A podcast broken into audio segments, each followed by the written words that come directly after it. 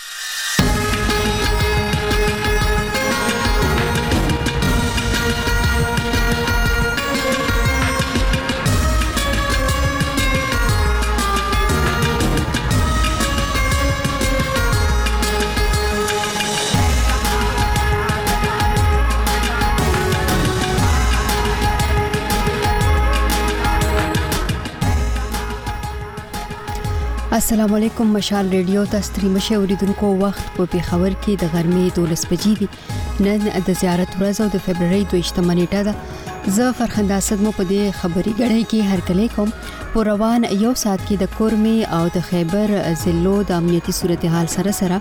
د پاکستان پر سیاسي حالاتو هم تاسو ته معلومات درکو او ریتل یې مهیروي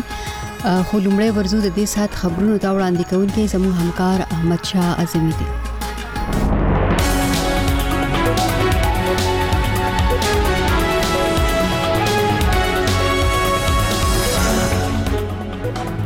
لمړی د مهم خبرونو سرټکی په کورمه کې لپیوار سیمه څخه پوز پرون خپل محاصره ختم کړې ده د بر جنوبي وزیرستان اوسیدونکو وایي چې یو شمېر کسانو د پوز په وینا د سړک پر غاړه د ځنګلونو وهل پیل کړی دي او راپورونه وایي پر اوکراین د مسکو د برید راهیسې تر 15 زره زیات روسي سرتیري وژل شوي اوس د خبرونو تفصيل په کورمه کې د یو پوځي په وژنه کې مطلوب کسان حکومت ته تر سپارل کېدو وروسته پوځ د پیوار سیم محاصره ختمه کړې ده د پیواړ ځای مشر او پخوانی صوبیدار ګلاب حسین پرون ناوخته مشال رادیو ته ویل چې د مشرانو 15 کسیز جرګې د فبروري پر 21مه د دوه جوبلو په ګډون 15 کسان د قانوني کاروایی لپاره پولیس ته وسپارل درې کسانو خپل بیګناه ثابت کولې د پاره خپل مرجع سره روغلل ایمو کوم او د انجمن پترو ایکور می مشرو نو په ترو مو حکومات اویر کړل بلکه نن مو ته داخل کړو چې کومه محاصره و هغه او سخه او شخات شو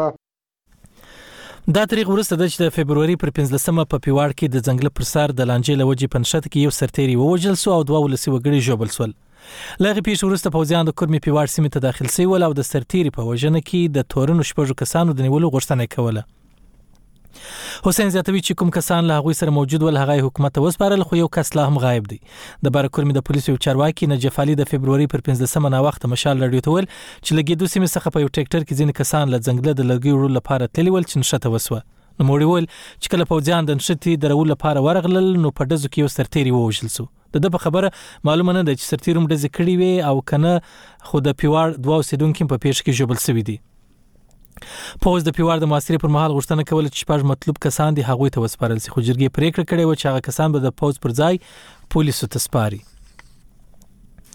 د بر جنوبي وزیرستان اوسیدونکو وایي چې یو شمېر ځای کسانو د پوز په وینا د سړک پر غاړه د زنګلونو وهل پیل کړی دی د پښتون ژغورنې غورځنګ ځای مخکش رحمت شاه مسعود پرون مشال رادیو ته ویل چې د بر جنوبي وزیرستان په یو شمېر سیمو کې د تیرو درو میاشتو راهیسې د زنګلونو وهل روان دي خو د زنګلونو د ژغورنې ادارې مخنیوي نه کوي بلخوا د هغې سیمې د ځنګلونو ادارې مشر وحدت زیشان مشال رډیو ته ویلي چې د بدامنۍ لامل پوس ته تر سړک پر غاړه د ولاړو ونو د شاخونو تراشلو اجازه ورکړې و خو هغه په غلطۍ سره یو شمېر ونې پرې کړې دي نو موري د فبرवरी پر 21 مشال رډیو ته زیاته کړه چې د سرحدي ځواکونو مشر ته د پوځیانو د دې کار د مخنیوي لپاره په خپل لاس لیک ورکړی دی وحدت وای چې بلخوا د ونو په وهلو کې د ککړو ځای کسانو خلاف هم اقدامات کړی دي پاکستان مسلم لیګ نن ویلي چې په بلوچستان کې بل پیپلز ګوند سره ګډ حکومت جوړوي دا ګوند مخکښ اسحاق ډار پرون په اسلام آباد کې د جمعیت علما اسلام فعل یو پلاوی سره د خبر پر مهال زیاته کړې چې هغه له پیپلز ګوند سره په هغه صوبه کې د ګډ حکومت پر جوړولو سلا سوي دي د جمعیت علما اسلام فعل د جنرال سیکریټري عبد الغفور حیدری په مشرۍ پلاوی د پاکستان مسلم لیګ نن له مخکښانو سره د لیدو پر مهال خواست کړی وو چې لا غوي سره دی په بلوچستان کې ګډ حکومت جوړ کړي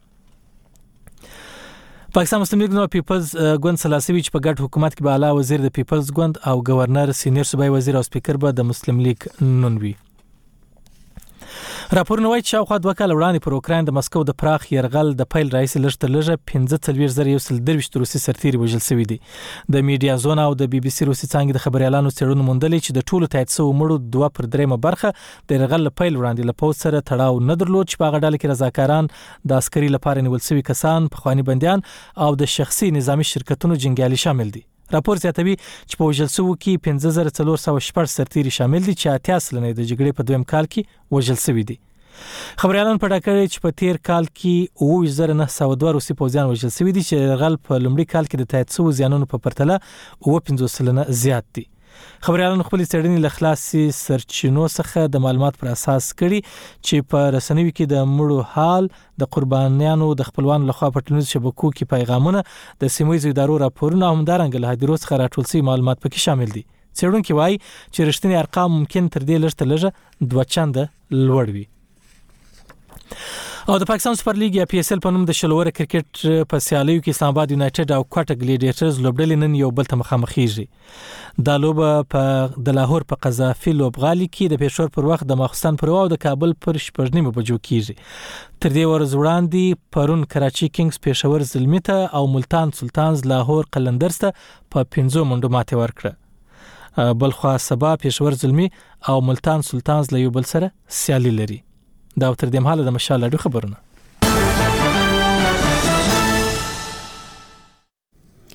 خبرونه مو زموږ د همکار احمد شاه زمين اورید تاسو د مشال ریډیو تازه خبرونه او رپورټونه زموږ پر ویب پاڼه mashalradio.com هم اوریدلې او لوستلې شئ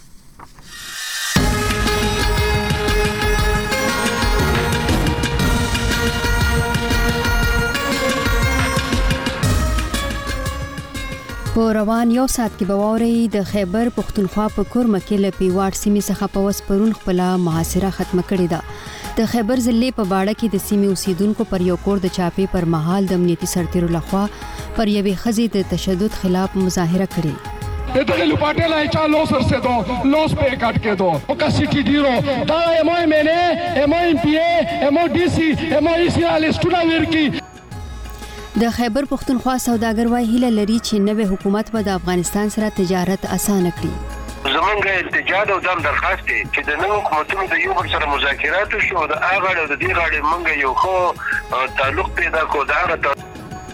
او پرون د فبرورۍ یویشتمه د مورنیو ژبو د نړیوالې ورځې په توګه ولمانځل شوه نو د دغه ورځې د مانځلو مقصد دا دی چې د دغه ژبو د ترقی لپاره او د برقرار ساتلو لپاره کار کار وسی ل مشال سره واوري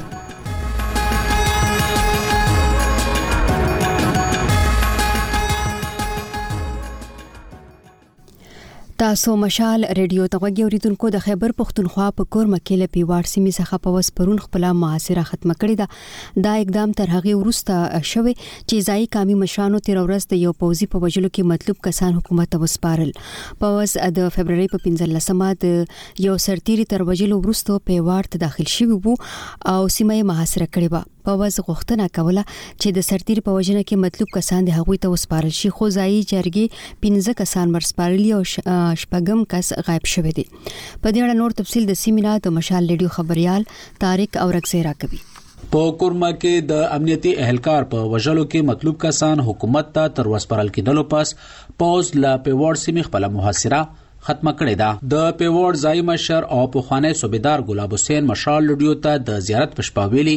د مشرانو پنځه ویشت کسيزه جرګې پر یوویشتم جنوري له شپږو کسانو درې مزید ور وسپارل چې داسې د دوو زخمیانو په شمول پنځه تنان یې د حکومت سره شول ځای مشر زیاتوي کم کسان چې کام سره ول هغه حواله کړل خو د پاتې یو تن ورکولو مطالبه په دغه پوره نکړې شو چې هغه تر پیښې پس لا هم غایب دی. درې کسانو خپلې بې ګناه ثابت کولې دپاره خپلې مرجع سره راغلل، ایمو قام و د انجمن په ترو ای کورمې مشرانو په ترو مو حکومت اویر کړل بلکې نن مو ته دخیل کړو څه کومه محاصره وه هغه او سخه او شخته شوه ای دوی کومه نپری وه نپری یې ټوله کلوس کړه. نو اوس خو پیر خال خبره امن ته لوړه دین اورسته به څه خبرې وي هغه په مذکراتو هغه به فیصل کوو په کورما کې پر 15 فروری د پیوړ جنو کسانو مبینه پر پوځیانو هغه وخت برید کړی وو چې هغوی لاګیدو په ورغلي ټریکټر تر دزو پس د علاقې صورتحال او امنیت کابو ساتلو په خاطر سمدستي علاقې ته ورغلل په هغه پیخه کې یو امنیتي اهلکار مړ او د پیوړ دوه وګړي زخمیان شوي ول تر هغې پس پوځ د ټانکونو سره پیواړ ته ورغلو او هغلته ځینې کلي محاصره کړل که څه هم پوز له سیمې وتلی خو ځای اوسیدونکی ابرار قاضي مشال لډیو ته وایي په سیمه کې د ملیشې ځواک عسکر لا هم هغلته موجودیت لري دی وخت کې اوس اور به کوم پیوړه لکی بان کړی هغه بالکل اور می واپس ولا کوم ټینکونه روسي هغه واپس کړی دي یو دوه ځو کې د کومه ملیشا دی هغه موجوده دی د ګیدو پیوړ منځ څه کوم د کوټی دی رازغای دی د دې کې اوس پورې ملیشا موجوده دی اوس بالکل کوم تاګ ارتاګ ولیار وی هغه کلاو شولې کوم خلکو سره گرفتاری وي د پیوړ قوم سره کنه هغه گرفتاری بالکل اور می وچاتی کړی دي بلخوا په دغه اړه د پوز او پولیسو د ریزمخې ترغله او نه د ضلع انتظامی چارواکو څه ویلي البته له سیمې نوې ټاکل شوی د کامي سیملې غړي حمید حسین مشال رډیو ته په یوشتم فروری ویلي پوز غوښتل چې د امنیتي الکار په وژلو کې مطلوب کسان دی ورکړل شي خو د پیوړ مشرانو دا موقف وو چې د قانون مطابق خپل خلک پولیسو ته ورکوي حسین زیاتوي په سیمه کې تر جرګو پس دا ومنل شو چې مطلوب کسان دی پولیسو ته ور وسپاري حمید حسین دا هم ویلي دا مسله د ځمکې په شخړه راپورته شوې نو غواړي چې په راتلونکي کې هم د هغې زر تر زره حل راوباسي دی باندې ریسنټلی کمیشن جوړ شوی او کمیشن فیصله کړې ده خو فیصله اوس امپلیمنټیشن ته پراته ده نو مخبل د حیب سره خبري شوې دي ان شاء الله هغه باندې به مو خبرې کوو هغه مطابق څه کمیشن فیصله دی هغه مطابق به دمو دا مسله حل کوو ان شاء الله دا به یو دیرینه یو مسله ده دا به مو ان شاء الله حل تر سو به دا به مو حل کوو او دی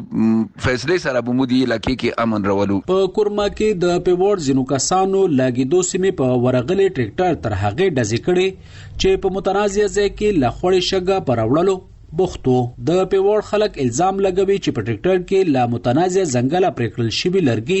راوړل کېدل په سیمه کې علیزو قوم له پیوړه تر خیروکوت پورې منطقه خپله بولي او بلخوا منګل له ګیدو تر علي منګولو ډونګو پورې د علاقې ملکیت دعوه کوي په 2020 کال کې له ځنګله لرګي پرې کولو په خبره د ګیدو منګلو او علیزیو ترمن جګړه شوې وه چې پکې دواړو خوا تر دیرشو زیات تنانو ته مرګ ژوبله اوښتې وه په سیمه کې نه یوازې د یاد قومونو ترمن د ځمکې په شخړه په عدالت کې کیس روان دی بلکې تر هغې جګړې پس یوه جرګه هم ورته مقرر شوې وه خو هغې تر شپېتو زیات نشستونه د کولو باوجود هلې راو نه وستلو تاریک ورک سه مشال رادیو پیښور دا مشال رادیو ده دا مشال ریډیو د اوریدونکو د بر جنوبي وزیرستان اوسیدونکو وایي چې هلته زینو خلکو د پوس په وینا د سړک پر غاړه د ځنګلونو وهل پیل کړی دي خو د ځنګلونو د ژغورنې ادارې مخنیوي نه کوي بلخوا د هغې سیمې د ځنګلونو ادارې مشروي چې د بدامنۍ لامل یې په واسطه د سړک پر غاړه د ولاړو ونو د خاخونو تراشلو اجازه ورکړې وه خو هغوی په غلطۍ سره یو شمېر ونې پرې کړې دي نوموړی زیاتوي چې د پوځ ځایي مشر ته یې په هغه اړه لیک لیږلی دی او بل خوا یې د ونو په وهلو کې د ککړو کسانو خلاف اقدامات هم پیل کړي دي په دې اړه نور حال د سیمې نه د مشال ریډیو خبریال اشتیاق مسید راکوي د سویلي وزیرستان اپر ضلعې اوسېدنکي ویايي چې د پوځ چارواکیو په وینا مقامي خلکې د سړک په غوړه د قیمتي ونو ځنګل وهل لګیا کړي دي او د ځنګلاتې محکمې چارواکي یې مخنیوي د پوره څه هم نه کوي. د کوټکۍ سیمې نه د پښتون ژغورنې غورځنګ غړی رحمت شاه محسود په دغي باره کښې مشال رېډیو ته ویايي. د جنوبي اپر وزیرستان ځنګلات دا د ویس نه نه د درې میاشتې نه د د ځنګلات اړ کیږي د خسلو رغه مومي کاړم نه ون څه د هغه څه شرونګای ماڼه چې په دغ سیډ بندې د ځنګال کاړ کیږي خو ځنګال داس کاړ کیږي د روډ سره نزدې نه شل لرې لرې لکه سو فوټ ایک سو پچاس فوټ بیتیا لاند شوی دی نو دومره غاټ روډ سره ځانګل لنډاول دا خو نه په قانون کښې شته نه په دې کښې تیړې شته نازتار شته ځلغوزای شته چې ډیر قیماتی بیټی دی دا فوج کډ کاوی او د علاقی خال ته اویلی دی په علاقه کښې مختالف قسم خال دی خو دلته حجازه فوج ورکړی دی نو دا څومره د افسوس خبره دو چه د میز ځنګل هم محفوظ نه دی، انسانون هم دا نه وای محفوظ، بازور هم دا نه وای محفوظ، نو د دغه میز په سخت ټکي کښې غندنه کوي. د بدر سیمې اوسېدنکی انور محسد ویايي چې د سړک په غوړه د ونو شاخ تراشي په زوی بې کچه طریقې سره د ونې وهل لګیا کړي شوي دي. مین روډ دی کنه جنګل دی د مکین نه لګا داس روسیه روسیه په بدر سایډ ور خیسره ته روزي دغه روټ سکیم دی کنارې شي صرف دغه دی چې د حکومت ټول ټیم لیټر شوی دی پکښې باقاعده دا لیکلي دی چې تاسو صرف د سخی نوې کټکوي نه کې چې ته پیراونه مو متوي خو دا ونه دا قسم ور شری کړی دی چې په غارې باندې کټ کیږي نه کیم کټ کیږي دا خو بیا نه کیږي دا چې کیم د ور سره شری دی د جنګلاتو ختم شي نو دا په سر کنه چې کیم خوارج کولا دي تو هیڅ ویچار وشي کنه کله جا ګلی نه سوي چې کله مطلب دی دا قسم کاټ کیږي. مشال رېډيو چې د سويلي وزيرستان ځنګلاتو محکمې مشر وحدت ذيشان مخې ته په سيمه کښې د سړک په غوړه د ونې وهلو خبره کښې شوه هغوي په ځوب کښې وويل. سار نو ریکوست کړی وو چی حالات خراب دی سیکیورټی ریزنز د وجه نه نو د پکار وو چی مونږ ته د پرونی اجازت ورکړی فورټی فورټی ون یوی شاخ ته راشی نو دوی شاخ ته راشی شروع کړه خو دی په منځ کی بیا څه کار شوی دی چی لوکلز را پاسیدلی څه ونی کټ کړی دی او سره خو هغه آرمی والا په غلطیانو په وجه باندی هغه ونی کټ شوی دی نو د آرمی والا خلاف چا ریپیر نشو کولی خو دا ری ما وکړل او آی جی ایف سی سردار ما او زما کنزرویټر میټینګ وکړو هغه لپ وکړه لیټر یی ورکړی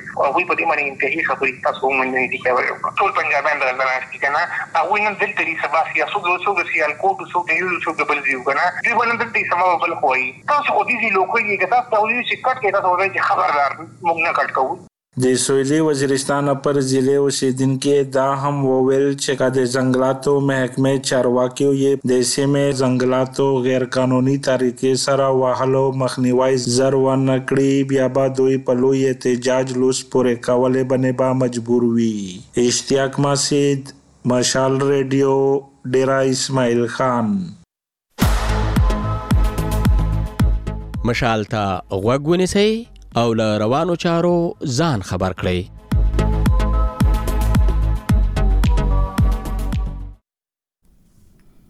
اوریدونکو د خیبر پښتونخوا د خیبر ضلع په باړه کې غنو سیاسي او مدني فعالانو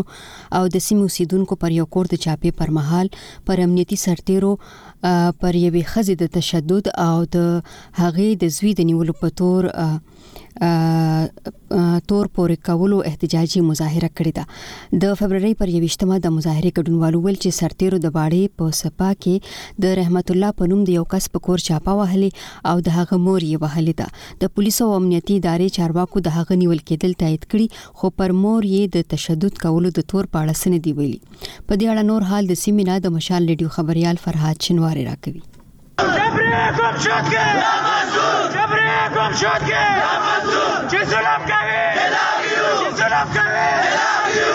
د فبرورۍ په یوشتمه نیټه سیاسي او مدني فعالانو په باړه بازار کې یوه احتجاجي مظاهره وکړه. او دوی تور پورې کړ چې امنیتي ځواکونو په سپا کوم کې د رحمت الله په نوم تن په کور د چاپې په مهال د ده په مور باندې تشدد کړی او په مخ یې ګزارونه ورکړي. د دغه احتجاج په موقع د باړې سیاسي اتحاد یوه عهدیدار زاهدالله پردي وویل. دا ډېر د ظلم سره مخ خلک دي، بم، دباکې، مټر ګولې، توپې، خودکش هر شی برداشت کړه، خو یو شی چې نه شي برداشت کولای هغه عزت دی، نو نن ځکه دومره وتلي ویلارو روان دي. خبره دا نه وه چې زه دهشتګرد یم او ته چپه وهې خبره دا هم نه وه چې په موږ کې به فرق نه وي خو په دا خوره په دا خیبر پالو ګرځي پالو هغه پالو ګرځي چې مایندونه بچي تښتوي نو دا پلو دا پلو یې نن نه ننو دا پلو ولې وه چې دا ټیرریست اکټیویټي همدغه لج کول یو بل سیاسي مشر خان ولي اپریدي هم په دې موقع خپل غبرګون ښکاره کړ. حافظ صاحب که مو امور بیزتی شوی رو تو تو خو مو په الفاظو کې یاد کړې خو چې مو امور بیزتی کېده دا پښتنه زه چا نه وکم. دا مو مور نه روزله پر دا خو هغه پریته مور وا هغه پریته مور وا چې دغه لوپټېلا دغه لوپټېلا چا لو سر سه دو لوس په کټ کې دو او کا سټی ډیرو دا مو مینه مو ایم پی ای مو ډی سی مو ای سی ال سټونه ورکی چې دا ته په خوره کې تور خلک دي وانټډ خلک دي دا لسټونه کومه دا ولا شي چې کم سړی کې خبره وا زبې تر ولم چې دا وخلا کغال و مړی کا کنو غل پیزه ته یې پریا په دا طریقه را مو مزال روان کی. د خیبر ضلعي پولیسو یوه چارواکي خپل نوم نه خپرولو په شرط مشال ریډیو ته تصدیق کړی چې د فبرورۍ په شلمه نېټه په باړه سپا قوم کې امنیتي ځواکونو د سیفل خان اپریدي نومي تن په کور د چاپې پر مهال د ده زوی رحمت الله پورته کړی او پلټنو لپاره یې وړی دی. د رحمت الله مور په سوشل میډیا خپرو شوو ویډیوګانو کې خلکو ته په خپل مخ باندې زخمونه ښودلي دي. دې ویلي چې زوی یې په باړه کې چنګچي رکشا چلوي او که په کوم جرم کې ککړ وي نو باید دوی ته یې جرم وښودل شي او عدالت ته دې وړاندې کړل شي. په خیبر ضلع کې مېشت د امنیتي ادارې یو چارواکي خپل نوم نه خپرولو په شرط مشال رېډیو ته ویلي چې رحمت الله امنیتي ځواکونو ته د بدامنۍ په یو شمېر پېښو کې مطلوب و، خو کورنۍ یې بیا دا تورونه نه مني او وايي خپله مزدوري یې کوله. فرهاد شینواری، مشال رېډیو، خیبر. دا مشال رادیو ده تاسو مشال ریډیو ته غوږی اوریدونکو د پښتونخوا ملي عوامي ګوند مشر محمود خان چکسي ویلي دي چې د چمن پر لار د تګراتګ لپاره د سفري اسنادو لازمي کېدو پر ضد د روان پرلت غوښتنې د قامي سملې په غونډه کې یادوي نو موري د فبرवरी پر اتمه په انتخاباتو کې د بلوچستان له پښتون مشت سیمو چمن او کله عبدالله څخه د قامي اسمبلۍ د غړي په توګه منتخب شو. اچکزي پرون پر لته په وینا کې ویل چې د چمن او سپین بولدک ترمنځ د تګ راتګ لپاره د پاسپورت او ویزې شرط نه مني. په دې اړه نور حال د سیمې نه د مشال ریډیو خبریال ایوب ترین راکوي. د افغانستان و پولیس ته څیرمه د بلوچستان په سرحدي ښار چمن کې د تیرو څلور میاشتو راهیسې احتجاجي پرلت روان دی دا پرلت د غورسته پیل شو کله چې د پاکستان د لړمحاله مرکزی حکومت لخوا پریکړه وسوه چې تیر کال د نومبر د لومړنۍ نیټ څخه به خلکو ته د چمن او سپین بولدک ترمنځ پر یاد سرحدي پوله یوازې د پاسپورت او ویزې د لارې د تګ راتګ اجازه وي خو د چمن ولس دا پرېکړه په کلکه سره رد کړه. په دې اړه د فروري په یوویشت مه نېټه په چمن کې و پرلتوالو ته په خپله وینا کې د پښتونخوا ملي او مي ګوند چیرمېن محمود خان اڅکزي وویل چې د پاکستان او افغانستان تر منځ د چمن پر سرحدي پوله د پاسپورټ د شرط په ضد به په قامي اسمبلۍ کې ږغ پورته کړي. یو ډیورنډ لاین دی د هغه خټکی معلوم دی هلته یې خټکی دی هلته یې خټکی دی په دې نه موږ کار لرلای شو نه مو درنولی دی دا موږ چې په دغه کې بند شو په قفس کې نن یوویشتمه صدۍ د عزیزانو تا زه انسان یم زه دا ډېره کاله یم په دوه ګامه زما دیره ده ته وا ډېره په پاسپورټ ځې چې دا وایي د هغه ولکه د سړي زوی دی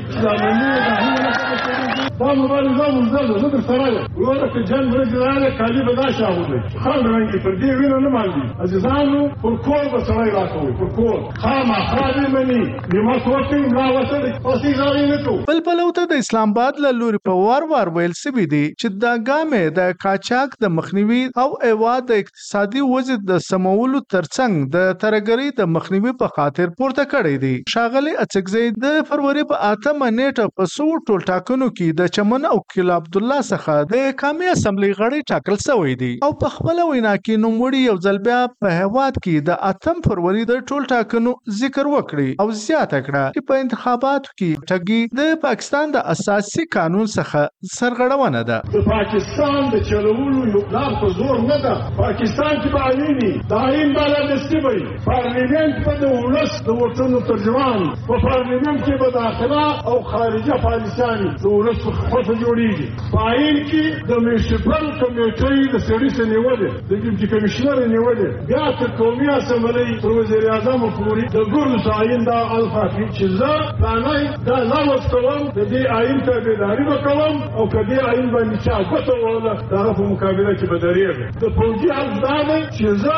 پلانای ورځې پلانای سپایي پلانای ورځې پلانای برګېډیر دا آئین منم او د دې آئین په مخ کې دا وعده کوم چې زه به په سیاست ګوته نه وهم. که څه هم د پاکستان د انتخابي کمېشن له خوا په وار وار د درغلۍ یا ټګۍ دا تورونه په کلکه سره رد شوي دي، خو د ښاغلي اڅکزي په خبره پاکستان د مشکلاتو څخه د ایستلو له پاره د جمهوریت له لارې دغه ستونزې هوارېدلای شي. د یادونې وړ ده چې د پاسپورټ د شرط، په ضد د پرله تیر کال د اکتوبر په درېیمه اونۍ کې پیل شوی و، ځکه چې د پرله برخوال غوښتنه لري چې د پاسپورټ پر ځای دې د پاکستان او افغانستان پر یاده سرحدي پوله تګ راتګ د پخوا په ډول د شناخت کارډ او تذکرې د لارې بېرته عملي کړل شي. اوریدونکو د پاکستان صنعتکاران او سوداګر وایي د روان مالی کال د سټیټ بانک شمیرې ښایي چې د پاکستان او افغانستان ترمنځ په لومړیو شپږو میاشتو کې یوازې 280 میلیونه ډالرو تجارت شوی دی چې د هغوی په وینا ډیر کم دی سوداګرو په پاکستان کې لنیوي جوړیدونکو حکومت د دوه هیوادونو ترمنځ د تجارت پراخولو د زیاتو تجارتي لارو پرانیستلو او د سوداګرو او د ګاډو ډرایورانو ته د اسانتیا ورکولو غوښتنې کړې دي تفصیل یې له پیښوره د غلام غوث نورو د پاکستان او افغانستان د سوداګرۍ د شریکې خونې غړي او صنعتکار زاهد الله شینواري د فرورۍ په یوویشتمه نېټه مشال ریډیو ته وویل چې د تېر کال نه د تورخم او سپین بولدک تجارتي لارو په بیا بیا د تړلو په وجه د پاکستان او افغانستان ترمنځ د تجارت حجم مخ په کمېدو دی او په تجارتي پالیسیو باندې هم عمل نه کېږي. تجارتي روابط چې دي کنه پرمختګ لپاره څه کوششونه چې دي څه څوک هم نه کوي دواړه حکومتونه نه کوي لکه دې وجه باندې دا تجارت ډېر لاندې تللی دی فاینانشل ییر ورته موږ وایو کنه جولای نه تر جونه پورې نو په اولنی نیم کال چې دی کنه په دې کې دوه سوه شپېته میلیونه ډالرو تجارت شوی دی د سټیټ بانک مطابق نو دوه سوه شپېته میلیونه چې دی دا خو ډیر زیات کم دی چې فوري تور باندې ټرانزیټ ټریډ اګریمنټ چې دی کنه دا دوباره خبرې وشي او دا نوی شي ان علاوه د چې کوم فری ټریډ اګریمنټ دی یا پریفرنشل ټریډ اګریمنټ دی په هغه باندې خبرې ضروری دی پورن چې شروع شي دغه سي د ډالرو د لارې چې کوم مشکلات دي کنه دغه سي چې کوم په کلدارو کې ایکسپورټ چې دی د پاکستان نزي په دې کښې ځنې ايټمې اچوري ځنې ايټمې پکې نه پريدي. د باجوړ یو ایکسپورټ کوونکي سوداګر حاجي لالي شاه وايي، د پاکستان او افغانستان چارواکي دي د دواړو خواوو د ولسونو د ګټي په خاطر د صنعت او تجارت د پراخه کولو لپاره یوه کوټلي تګلاره جوړه کړي. زمونږ التجا ده او دام درخواست دی چې د نوو حکومتونو د يو بل سره مذاکرات وشي او د آ غاړې او د دې غاړې مونږ يو ښه تعلق پېدا کړو، د هغه تعلق په بنياد باندې زمونږ دواړه اړخ ته تجارت کېږي، د دې سره به زمونږ روزګار وضع دا ډېره زياته کړی شي، زه تا ته اوس دا کونړ يادوم چې د کونړ څلور نيم پنځه لکه آبادي ده، په څلور نيم پنځه لکه آبادۍ کې ستا د ډسپرينګ يوه غولۍ نه ده پرته، دغلته ټول شيان چې راځي دا د هندوستان نه د هغې ميډيسن راځي، نو که زه وايم د دې ملکنډ ډويژن. خصوصا بیا د باجوړ له دې ایریا دا هلکان دا ځوانان زمونږ تش دا میډسن عمل ته وړي نو زمونږ به د دې سره مطلب د دې په زرګونو کسان چې دا دا په روزګار شي. د تورخم لاره د خپلې جغرافیایي اهمیت په وجه د پاکستان او افغانستان ترمنځ د تګ راتګ او تجارت لپاره تر ټولو لویه لاره ده. په دې هره ورځ زرګونه خلک او سلګونه مال وړونکې لارۍ تېرېږي. دا لاره د مرکزي او جنوبي اسیا هېوادونه هم د یو بل سره په ځمکنۍ لاره نښلوي. په افغانستان کې د طالبانو تر واکمنۍ او د هغې نه مخکې د جمهوري حکومت په دور کې هم د تورخم لاره په بیا بیا د سوداګریزو مالونو او خلکو د تګ راتګ په وړاندې تړلې شوې ده. د خیبر قبایلي ضلعې یو ایکسپورټ کوونکی سوداګر کلیم الله وايي، دوی د پاکستان د نوي منتخب وفاقي حکومت نه هیله لري چې دوی به د افغانستان سره سیاسي اختلافات راکم کړي او د تجارت د ودي لپاره به ګامونه پورته کړي. کلیم الله زیاته کړه، چي د تورخم او چمن د لارو نه علاوه نوري لاري هم شته او پکار ده په هغه لارو هم د تجارت لپاره سهولتونه قایم کړی شي. پاکستان او د افغانستان په دتجارت باندي دا سیاسي حالات هم لږ اثر انداز شوي دي کنه. یو خو دا دی بل که وګورې اوس هم په لارو کې شپږ شپږ اووه اووه لس لس ورځې دا ګاډي ولاړي نو په ټیم باندې ګاډي هم نه رسي په تورخم کې که وګورې دغه ټرمینل انډر کنسټرکشن دی نو دومره د ګاډو کپیسټي شته نه دی چې هلته ګاډي په وخت ورسي او کلیرنس یې وشي د لږو ګاډو ځای دی هلته. بلې خوا ته په بلوچستان کې د چمن په پوله د تګ راتګ لپاره د ویزې او پاسپورټ د شرط لازمي کولو په ضد د تېرو څلورو میاشتو نه احتجاجي پرلت روان دی، خو د پاکستان چارواکي دریځ لري چې دوی د پولې د منیجمنټ په نوم د یوې پالیسۍ په عملي کولو کار روان کړی دی، او د سفري اسنادو نه بغېر به اوس د دواړو هېوادونو ترمنځ هېڅ قسمه تګ راتګ او تجارت نه کېږي. د پاکستان له خوا د افغان ډرېورانو لپاره د وېزې او پاسپورټ لازمي کولو شرط هم د پاکستان او افغانستان ترمنځ په تجارت بد اثرات مرتب کړي دي. تېره اونۍ د فرورۍ په اوولس مه نېټه د پاکستان او افغانستان د سوداګرو شریکې خونې هم د پاکستان او افغانستان ترمنځ د تجارت په کمېدلو د اندېښنو څرګندونه کړې وه. او د دوی له خوا په خپور شوي یو بیان کې غوښتنه شوې وه چې په تورخم د زیاتو مال وړونکو ګاډو د بوج د کمولو لپاره دي د تجارت لپاره د غلام خان او خرلاچي لارې هم پرانیستلې شي. مشال رېډيو ته غوږ اورېدونکو د غرمې دولس نيمې بجې شوي دي لنډ خبرونه د احمد شاه اعظمي نه اورو.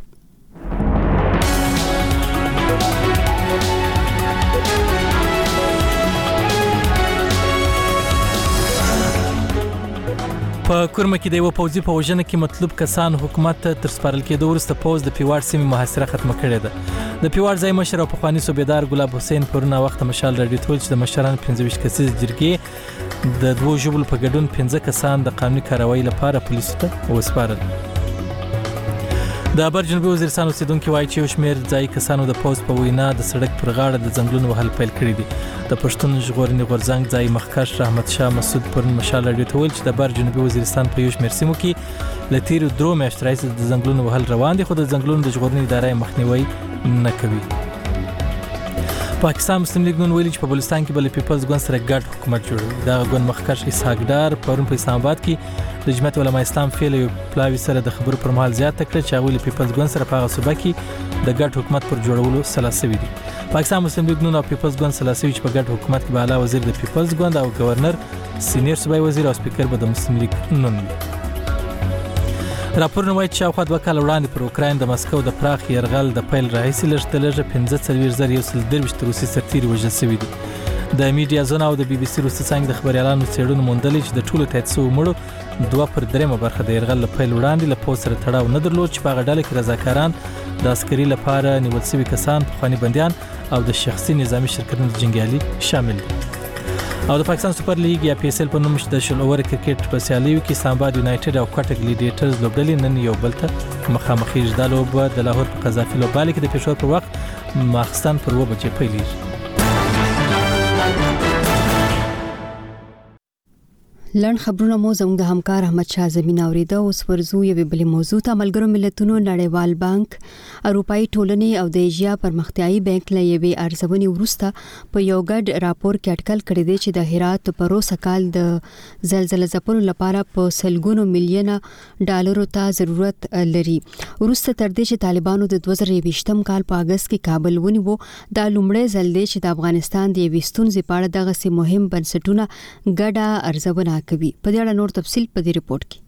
پدر ما مادر ما شهید شده برازده می شهید شده کاکا می نه دختر کاکا می نه نو سال شنه هم شهید شده په هرات کې د اکتوبر د میاشتې له زلزلې لا هم خلک کړی شي د زلزلې د شاوخوا 2000 افغانانو ژوند واخیست د شپږ اعشاریه درې ریاختر په کچه دا زلزله لومړی د اکتوبر په اوومه وشوه چې بیا یې څو ورځې پرله پسې ټکانونه احساسېدل. د دې زلزله ځپلو د ستونزو د مخنیوي لپاره ملګرو ملتو، نړیوال بانک، اروپايي ټولنې او د اسیا پرمختیايي بانک په خپل مشترک راپور کې اټکل کړی چې څلور سوه دوه اعشاریه نهه میلیونه ډالرو ته ضرورت دی.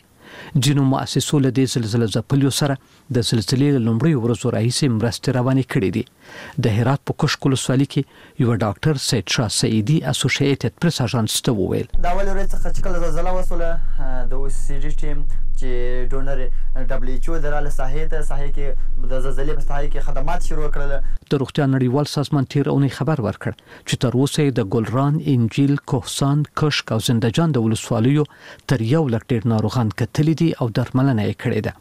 دا زلزله د افغانستان په اوسني تاریخ کې یوه تر ټولو ویجاړونکې زلزله وه چې بسته کلي یې تر خاورو لاندې کړل او په زرګونو کسان یې ټپیان کړل. د ملګرو ملتو، اروپايي ټولنې، نړیوال بانک او اسیايي پرمختیايي بانک د ارزونې له مخې په نهو ولسوالیو کې دوه اعشاریه دوه میلیونه خلک اغېزمن شوي دي. په راپور کې په دقیق ډول د هغو مېرمنو، ماشومانو، زړو، ځوانانو او ټولو شمېرې څرګندې شوې دي چې زلزلې ځپلې دي. د راپور له مخې تر ټولو سیمو د هرات په انجیل او زنده جان ولسوالیو کې خلک ډېر متاثره شوي دي. د ملګرو ملتو د سرمنشي مرستیالې او د بشري مرستو همږغه کوونکې اندریکا راتوات ژمنه کوي چې د زلزله ځپلیو د سمدستي اړتیاوو غم به وخوري، نوموړې زیاته کړه چې دې تراژیدي دا فرصت هم برابر کړی دی چې پیاوړې، هر اړخیزه او انعطاف منلې ټولنه بیا جوړه کړي.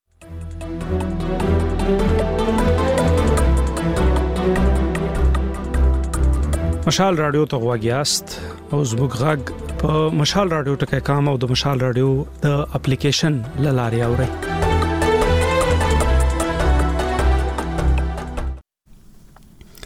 اوریدونکو د کډوال نړیوال سازمان آی او ام وايي افغانستان له یوې بیساري بشري ناورین سره مخ دی دغه سازمان تازه په خپل ویب پاڼه په یو راپور کې لیکلي دي چې له پاکستان د افغان کډوالو د ایستلو د زیاتوالي لامل په پوله فشارونه زیات شوي دي د آی او ام د شمیرو لمخې په تیرو سلورو میاشتو کې له 500 زرو څخه زیات کډوال له پاکستانه افغانستان ته راستانه کړی شوی دي چې یوازې لس زرو یې د جنوري په لومړیو 15 ورځو کې راستانه کړل شو نور تفصيل په دې رپورت کې د کډوالۍ نړیوال سازمان یا آی یو ایم وایي افغانستان نن ورځ یو بېساری بشري ناورین تجربه کوي او د خلکو اړتیاوې په اندېښمنونکي ډول په تیزۍ سره مخ په زیاتېدو دي. یاد سازمان په نړۍ کې تر ټولو ننګونکي بحراني شرایطو په نوم په یو راپور کې له پاکستانه د افغان کډوالو وتلو ته په اشارې سره لیکلي دي په تیرو څلورو میاشتو کې له پنځه سوه زرو زیات کډوال افغانستان ته ستانه کړای شوي دي چې له لسو زرو ډیر یې یوازې د جنوري میاشتې تر نیمه یې ستانه شوي دي. په راپور کې راغلي دي چې له پاکستانه د افغان کډوالو په ایستلو کې زیاتوالي پر پولو فشارونه زیات کړي دي. د کډوالۍ نړیوال سازمان یا آی او ایم ټینګار کوي چې د افغانستان خلک د بشري ناورین د کمولو لپاره د هغه اړتیا وړ پرمختیایي مرستو په ګډون چې نړیوال بسپنه ورکوونکي یې دا مهال نه تمویلوي اوږدمهاله پایښت لرونکي د حل لارو ته اړتیا لري. یاد سازمان په داسې حال کې له پاکستانه د راستانه شویو کډوالو پر وضعیت اندېښنه څرګندوي چې افغانستان ته یو شمېر ستنو شویو کډوالو له ازادي راډیو سره په خبرو کې وویل چې له سختو ستونزو سره مخ دي او بېړنیو مرستو ته اړتیا لري. له دوی څخه یو عبدالقادر چې تازه له پاکستانه راستون شوی دی او دا مهال په لغمان ولایت کې اوسېږي وایي، اوه ماشومان لري خو یوه مړۍ ډوډۍ ورته نه شي پیدا کولی. بارانونه هم دي او زمهم ده او جیم نشته ده. او بیخی دی ما رښتیا سره دسی او په تنګ راغلی یو څه شی نه لرو نه دی جای لرو نه درمل دی دوا دی پاره مونږ هغه نه لرو چی مونږ ماشوم ته هم کوم دوا واخلو کارو بار نشته دی. له پاکستان راستون شوی یو بل افغان کډوال چې نه غواړي نوم یې په راپور کې واخیستل شي، په سوړ ژمي کې د خپل ژوند د کړاوونو په اړه داسې وایي. تا فعلا کدام کمک اخذ نکرده؟ تر اوسه مو د هېڅ کوم بنسټ له خوا مرسته نه ده تر لاسه کړې، ډېرو ستونزو سره مخ یو، ان دا چې دا سوړ ژمی پرته له ګازو، برېښنا، صندلۍ یا سون توکو تېروو. موږ له خلکو پور اخلو او له همدې لارې د خپل ژوند لګښتونه په ډېرې سختۍ پیدا کوو. دوی د طالبانو له حکومت او له نړیوالې ټولنې غواړي چې د دوی وضعیت ته پاملرنه وکړي او له دوی سره مرسته وکړي. د پاکستان موقت حکومت د دوه زره درویشت کال په نومبر میاشت کې د بې اسناده افغان کډوالو د ایستلو بهیر پیل کړ، خو د ځینو پاکستاني رسنیو د راپورونو او د هغو معلوماتو له مخې چې په کراچۍ کې د طالبانو حکومت قونسل عبدالجبار تخاري دوه اونۍ وړاندې له ازادي راډیو سره شریک کړل، څو اونۍ وړاندې د پاکستان کابینې د مارچ میاشتې تر پایه پورې له یو اعشاریه درې میلیونو څخه د زیاتو بې اسنادو افغان کډوالو د اوسېدو موده وغځوله، خو د طالبانو حکومت د کډوالو او راستنېدونکو چارو وزارت په دې وروستیو کې په ورځیني ډول له پاکستانه د راستنېدونکو افغانانو د شمېرو په خپرولو تاییدوي چې دا لړۍ نه ده بنده شوې. دا په داسې حال کې ده چې د کډوالۍ نړیوال سازمان یا IOM په خپل راپور کې ویلي چې د 2021 کال په اګست میاشت کې سیاسي بدلونونو افغانستان له کړکېچ سره مخ کړی او په دې هېواد کې د نفوس دوه پر درېیمه برخه بشري مرستو ته اړتیا لري. تر دې مخکې هم د ملګرو ملتونو د بشري چارو د همغږۍ دفتر یو چا ویلي و په روان زیږدیز کال کې نږدې څلور ویشت میلیونه افغانان بیړنیو بشري مرستو ته اړتیا لري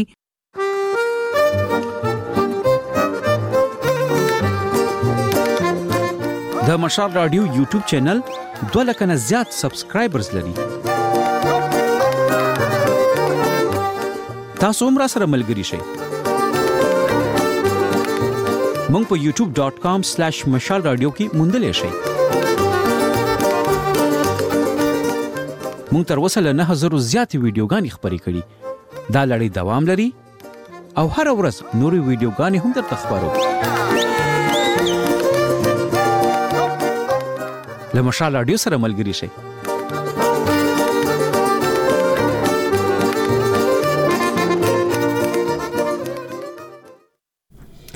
اوریدونکو په ننګرهار کې د سوداګرۍ او صنعت خونی چارواکي شکایت کوي چې د ترانسپورت له لوري د جوړ شوی کمیشن لامل هر ورځ په لسکونه زره افغانۍ تاوان کوي خو بل خوا په ننګرهار کې د طالبانو د حکومت د ترانسپورت ریاست چارواکي د صنعتکارو ستونزې مني خو زیاتوي چې یاد کمیشن د دوی د مشرتابه له لوري جوړ شوی دی نور تفصيل په دې رپورت کې له سمودې راهیسي په افغانستان کې د طالبانو د حکومت د ترانسپورت وزارت له لوري د باروړونکو موټرو د انسجام لپاره یو کمیسیون جوړ شوی چې له امله یې صنعتکار مکلف دي چې خپل تولیدات په هغو باروړونکو موټرو کې انتقال کړي چې کمیسیون ورته جوازونه ورکړي دي خو په ننګرهار کې سوداګر او صنعتکار وايي چې د دې کمیسیون له وجې هره ورځ په لسګونو زره افغانۍ زیان مومي دوی له طالب چارواکو غواړي چې کمیسیون لغوه او دوی ته دې اجازه ورکړل شي چې په خپله خوښه خپل تولیدات نورو ولایتونو ته انتقال کړي. د ننګرهار د سوداګرۍ خونې مرستیال او صنعتکار اجي ګل مراد وايي، د کمېسیون له جوړېدو سره نورو ولایتونو ته د خپلو تولیداتو د انتقال په برخه کې د پخوا په نسبت یو پر دوه کرایه پرې کوي. دی له طالب چارواکو غواړي چې کمېسیون لغوه کړي. دغه کمېسیون چې جوړ شوی ده، موږ ته د پلمبر باندې موټر راکوي. زموږ فابریکې چې په شیخ مستري کې دي، یوازې زما نه تخمیناً یو سل او شل فابریکې هلته فعالې دي.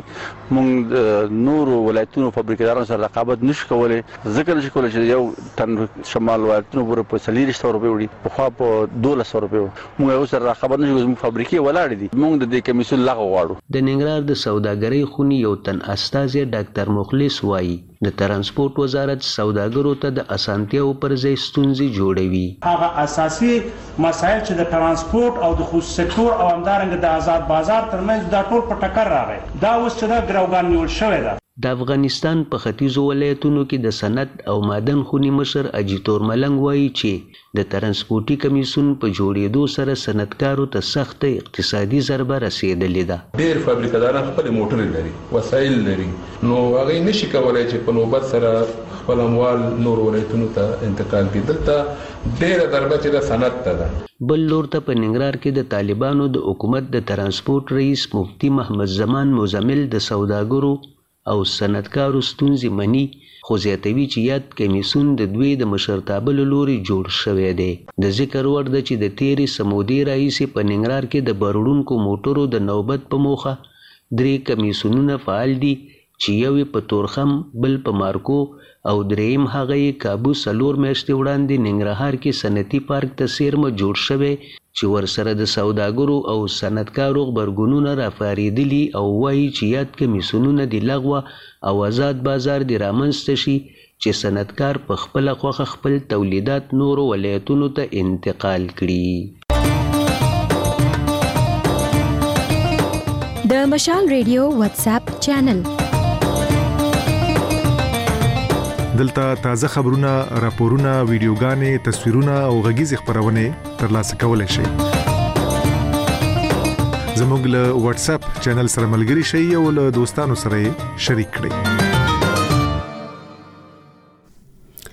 مشال ریډیو ته غوږی اوریدونکو له مومند ډیم نه دوه نیرونه جوړیږي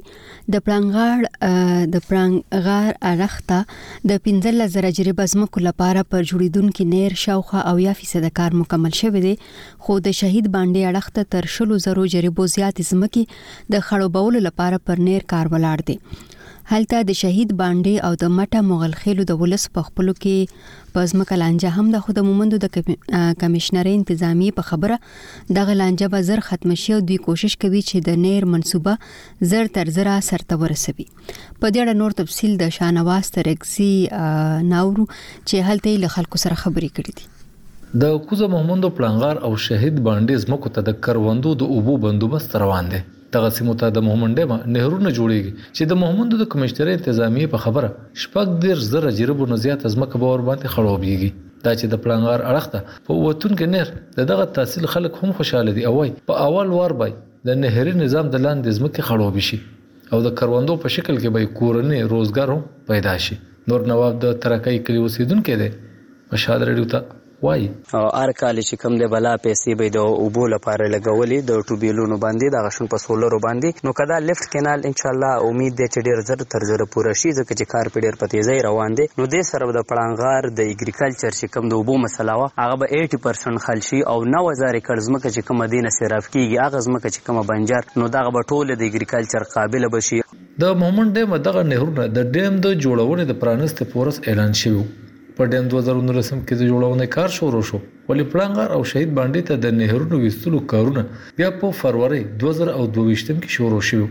محمد حیات هم د پړانګار اوسېدونکی یو بل تن دی، دی وايي، د دوی د سیمې ځمکې د باران په اوبو هم ډېرې ښې کروندې کوي، خو که د نهري نظام د لاندې رالي، نو بیا به دوی هر رقم فصلونه، سبزیانې او باغونه هم وکري. پړانګار پچاس زره آبادي لري. پړانګار چې کوم دی دا موږ سره بیا په دوو حصو کې تقسیمیږي. یو اپر پړانګار راځي، یو لوور پړانګار راځي. دلته چې کوم فصلونه کیږي په هغې کې جوار دي، غنم دي، ټماټر وغیره وغیره. چونکې زمیندار وروڼو ته د اوبو سخت مشکلات و. په دې نهر باندې تقریبا سیونټي پرسنټ کار چې کوم دی کمپلیټ شوی دی. خو بل خوا شهید بانډې ته نهر باندې څه د پنځو میاشتو راهسې کار ولاړ دی. دغلته د شهید بانډې او د مټه مغول خېلو د اوسېدونکو د ځمکې په سر د ملکیت لانجه ده نو ځکه هم دغه نهر باندې د جوړونې منصوبه ځنډېدلې. د کمېشنرۍ انتظامیې مهمندو په خبره د مهمند ډېم نه که دغه نهر هم تیار شو د پړانګ غر نه زیاته ځمکه به د شهید بانډې اړخ ته خړوبه کړي. همد شهید بانډې یو اوسېدونکی ګلزاده مهمند هم نهر ته خوشاله دی. دا نهر کامیاب شي او دا وشي نو د دې سره به د شهید باندې مختلف کلي چې په هغې کې جنګرخېل، کړپه، مارۍ کور، دامان، ماتوړ، درېب کورونه دا به ورسره ډېر زیات سېراب شي او د دې علاقې پټي به ډېر زیات فایده مند شي. خو د شهید باندې د دغه نهر په سر لانجه به تر کومې پورې ختمه شي؟ د کوزه محمد د کمشنرۍ انتظامي چارواکو مشهد رېډیو ته ویلي، د دواړو فریقونو ترمنځ خبرې روانې دي او حکومتي ادارې هم کوشش کوي چې دغه لانجه زر ختمه کړي چې د نهر منصوبه سر ته ورسي. شاهنواز ترکزی، مشهد رېډیو، پېښور.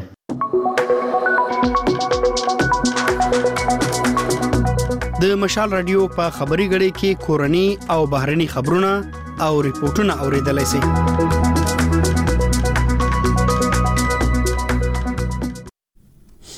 اوریدونکو په کراچۍ کې د پښتو او اردو ژبو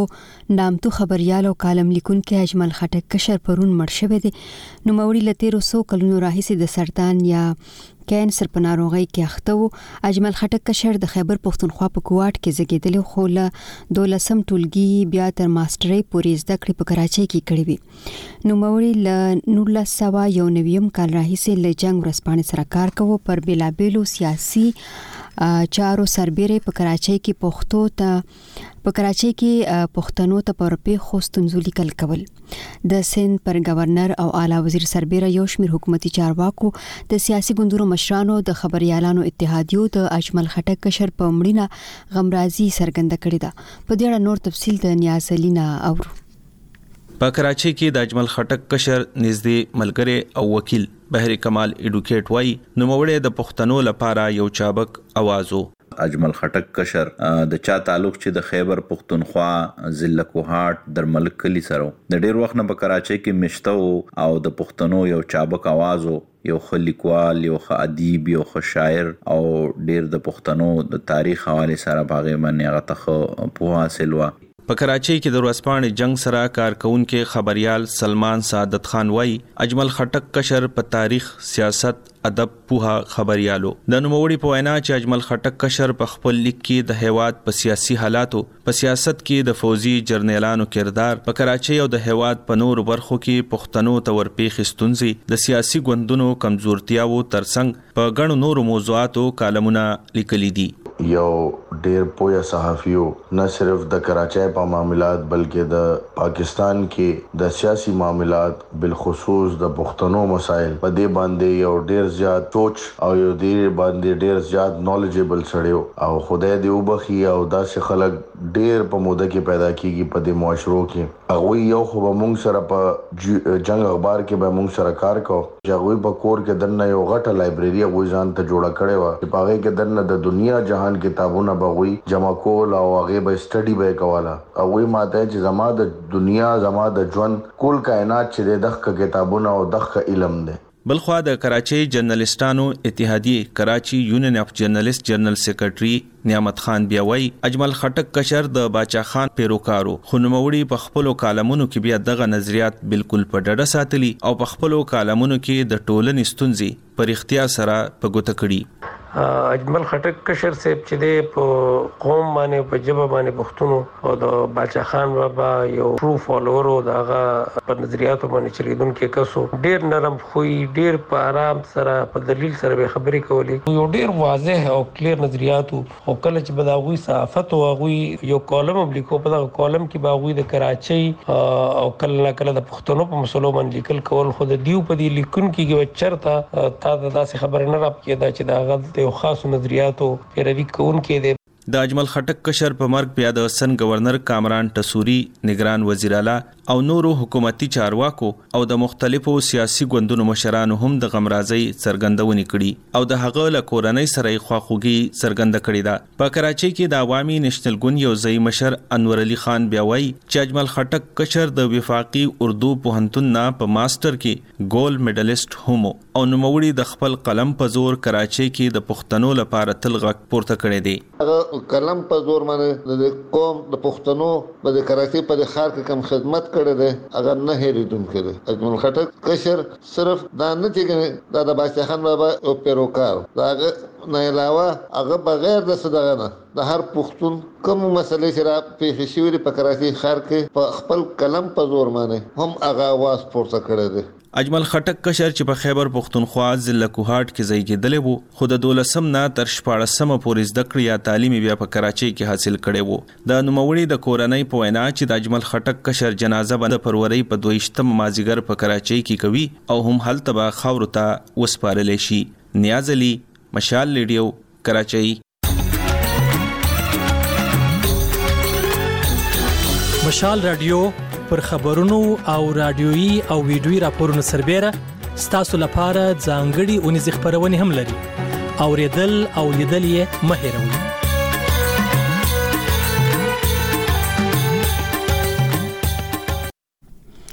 اوریدونکو پرون د فبرورۍ یویشتمه د مورنیو ژبو د نړیوالې ورځې په توګه ولمانځل شو د دې ورځې په مناسبت پرون د بلوچستان په بیلابیلو سیمو کې غونډې وشوې پر دې مهال د لیکوالانو شاعرانو پوهانو ترڅنګ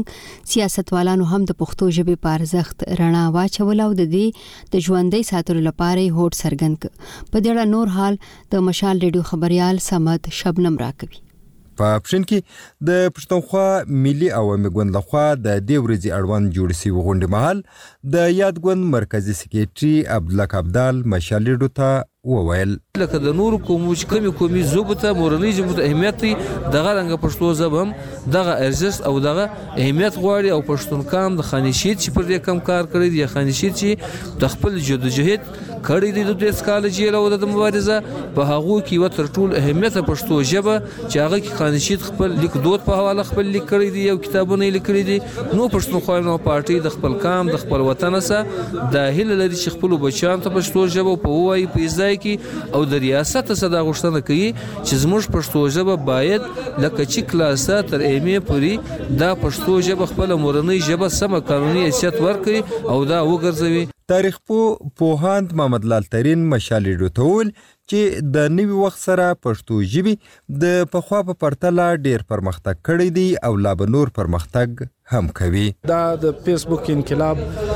د سوشل میډیا انقلاب دا زما په ژوند کې راغلی دی او زما په ځوانۍ کې راغلی دی دا زما د شباب په دور کې راغلی دی. ما هغه خوا مې لیدلې ده چې خلک په پښتو په کلو کې نه سره ویل یو لوستي سړی د پښتو ژبې لوستي سړی چې الف با په دا په پښتو زو دا په ډیر لیر لیر علاقو کې نه پیدا کېدی نن هر دویم ځوان په پښتو کې پر فیسبوک او پر سوشل میډیا باندې لګیا دی دا ډیر غټ انقلاب کدا د دې لپاره آی ټي انقلاب دی زموږ لپاره د پښتو انقلاب په پښين کې د مورنۍ ژبو نړيواله ورځ د لیکوالانو او شاعرانو لخوا په مقالو، شعرونو او زمزمو کولو ولمانځل شوه. موږ خو د امکان تر حده خپله ژبه نه پرېږدو، لمونځ که په پښتو نه شي، خو نیت یې په پښتو تړو. د دې غونډې تابیا کوونکي شاعر او لیکوال عبدالستار ایاب مشال ریډو ته وویل. د دې ورځې نمانځل ارزښت بیخي ډیر دی هغه په دې چې موږ خلک په دا پوه کړو چې مورنۍ ژبه د څه شي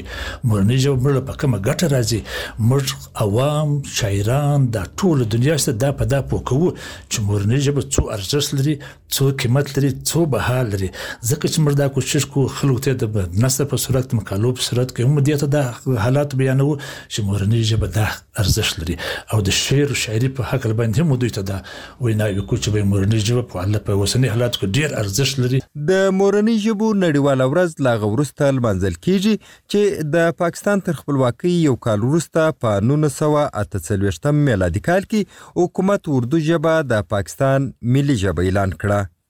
نو دغه وخت ختیځ پاکستان یا اوسني بنګله دیش کې ولس د دې ګام مخالفت وکړ او غوښتنه یې وکړه چې هلته زیاته ژبه ویونکې بنګالي ده او ملي ژبه دې وګرځول شي. وروسته د نولس سوه دو پنځوسم میلادي کال د فبروري پر یوویشتمه چې کله ډاکا پوهنتون کې زده کوونکو مظاهره کوله نو پولیسو ورباندې ډزې وکړې چې پکې پنځه زده کوونکي مړه او لسګونه ژوبل شول. د مورنۍ ژبې ارزښت او د مظاهرې قربانیانو ته د درناوي په توګه ملګرو ملتونو په نولس سوه نه نوي میلادي کال کې د فبروري یوویشتمه د مورنۍ ژبو د نړیوالې ورځې په توګه ونوموله. صمد شبنم، مشال ریډیو، کوټه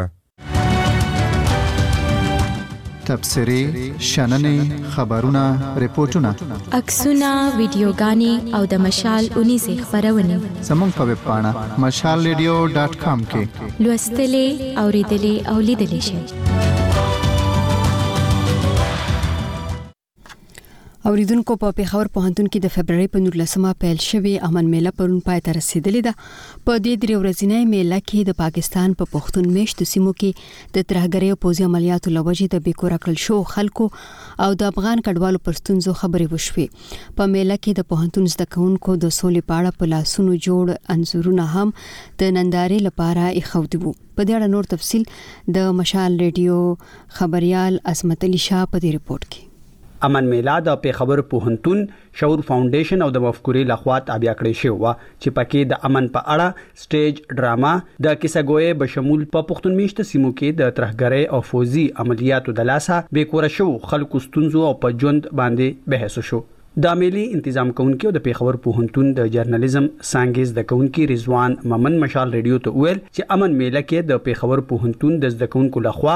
د امن په اړه د جوړ انځورونو نندارتون هم تابيع کړی و. نن سبا خو د فلم او د مووي او دا څيزونه راغلي د خلکو نه تېټر پاتې شوی دی که داستان ګويي ده يا چې کوم هغه د کيسې به خلکو وړاندې کولې نو د موبايل سره يا د سوشل ميډيا سره دا څيزونه لږ هغه يو طرف ته شوي دي نو چې دا څيزونه راځي د خلکو کې به دغه شوق ذوق نور هم پیدا کیږي داسې محفلونه داسې بنډارونه په دې وطن کې پکار دي ځکه کدل ته وګوري بدامني هم شته ده هغه انسټابیلیټي هم دانو چې دغه شان بنډارونه کیږي خلکو ته د امن حواله سره پته لګي کتیډر کیږي غوي ته خپل ثقافت حواله سره خبره پته لګي کدا سي بوک یا د کتاب چې کوم ریویو داږي کیږي نو خلکو کې به هغه د زده کړې یا د مطالعې یا د د شعور چې کوم غلار دغه به کولاویږي خلک پرازي امن میله کې د افغان کډوالو د ستونزو په اړه هم خبرې اترې وشوې. مېلې ته راغلي څېړونکو وویل چې افغان کډوال له تېرو څلوېښتو کلونو په پاکستان کې مېشت دي، خو لا هم پاکستان حکومت د دي په اړه کومه واضحه پالیسي نه ده جوړه کړې. د پېښور پوهنتون د پولټیکل ساینس څانګې مشرې شاهده امان مشال رېډیو ته وویل چې پاکستان کې مېشت افغان کډوالو کې شپېته فیصدي، کډوال زده کړې نه کوي او صرف دوه فیصده افغان کډوال په پاکستان کې لوړو زده کړو ته لاس لري. کمپونه خپل مسایل دي اور آوټ ساید دي کمپس خپل مسایل دي یو خو دا خبره دویم خبره دا ده که هیلت فسیلیټیز چې دي هغه ډیر زیات چې دي هغه ناپید دي دا کمپونو کې مونږ په خپله کتلې ده چې ښځې ښځې خاص طور په منټل ایلنسز هغوی کې ډیر زیات دي نو نور مسایل خاص طور په د روزګار مسایل ډیر زیات دي روزګار مسایل د سي زیات دي کې د خلکو ته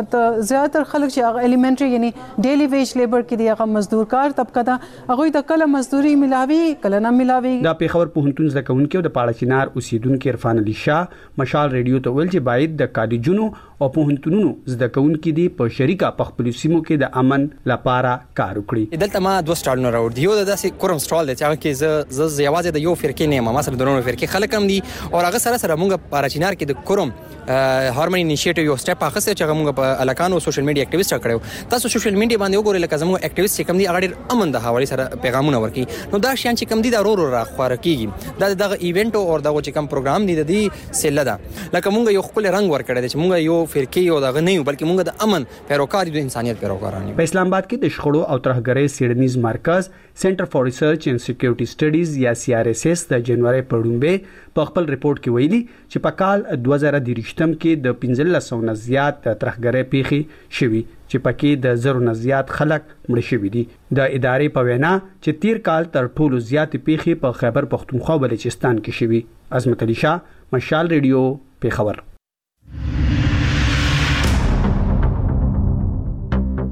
خبر که د هر ځای وي حالات که هر ډول وي مشال ډو به طرفه تایید شوي کره او لومړي لاس معلومات درکوي. له مشال سره اوسئ، له خبري نړۍ سره پاتې شئ.